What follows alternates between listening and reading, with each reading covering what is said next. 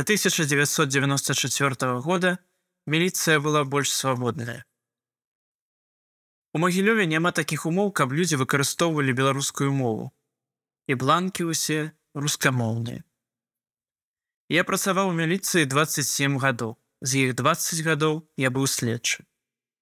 До 1994 года міліцыя была больш свабодная. Не было саўкова палачных сістэм, але да беларускай мовы толькі адзінкі ставіліся нармальна. Гэта было пакаленне савецкіх часоў. Яно было ўзгадаванае ў традыцыях 70-х. Тэрытарыяльна я займаўся расследаваннем злачынстваў ад Магілёва да мяжы з белыніцкім раёнам. Па адной справе праходзілі непаўналетнія з вёскі Нікіцінічы. Я сам ездзіў па школах, збіраў падлеткаў і праводзіў з імі следчыя дзеянні у прысутнасці іх бацькоў і настаўнікаў. І вось што я адзначыў. Калі веўся допыт, малыя казалі на сваёй мове. Я ім даю пратакол, і яны ўсё падпісвалі па-беларуску. Гэтыя дзеці раслі ў такім беларускім асяроддзі.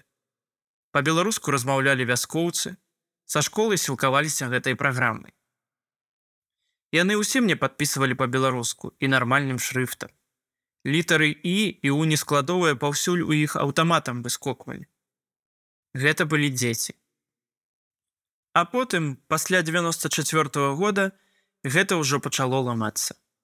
Пасля ўжо падпісвалі па-руску. Бланкі яшчэ з бСсраўскіх часоў былі рускамоўныя. Мы іх самі падпраўлялі на беларускамоўныя А вось ужо коркі прыходзілі па-беларуску. Крымінальная справа. У нас шмат хто з супрацоўнікаў крывіўся ад беларускай мовы. Гэта савецкія людзі, што скажаш.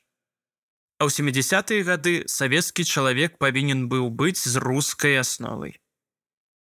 Вось у маю школу ў магілёве хадзілі дзеткі з вакольных вёсак. Мае аднакласнікі па-руску ўвогуле не гаварылі для іх гэта быў дыскамфорт. Я помню гэтыя часы, што з іх смяяліся настаўнікі, пілі. Бацькам на бацькоўскіх сходах казалі, што трэба вучыць рускую мову, што гэта шлях у будучыню, кар'ерны рост. Вось праз такія ўбіванні я бачу, як гэтыя дзеці замыкаліся ў сабе. Мне самому ў дзяцінстве здавалася, што я добра размаўляю па-руску. Пасля арміі я паступіў у Волгаград у вышэйшую следчую школу. Калі туды прыехаў, з цягніка сышоў і пачаў пытаць кірунак, то адразу сказалі: « О, беларус! Мова чуецца. Але ж яны не могуць выгаварыць наш дождж. Гэта нашыя моўныя ідэнтыфікатары. У 70-е быў дэвіз. Я брускі вывучил только за то, што на нём разговаривал Ленін. Вось такое ўбіванне з дзіцячых садкоў было, што калі ты размаўляеш па-руску, У цябе ёсць перспектывы, усё ў цябе наперадзе. Гадоў 10 мне было, бацька заўсёды цягаў мяне з сабой і браў на мерапрыемствы пасля працы. Мужыкі збіраліся па 100 грам, а ён сябраваў з элітай магілёва таго часу.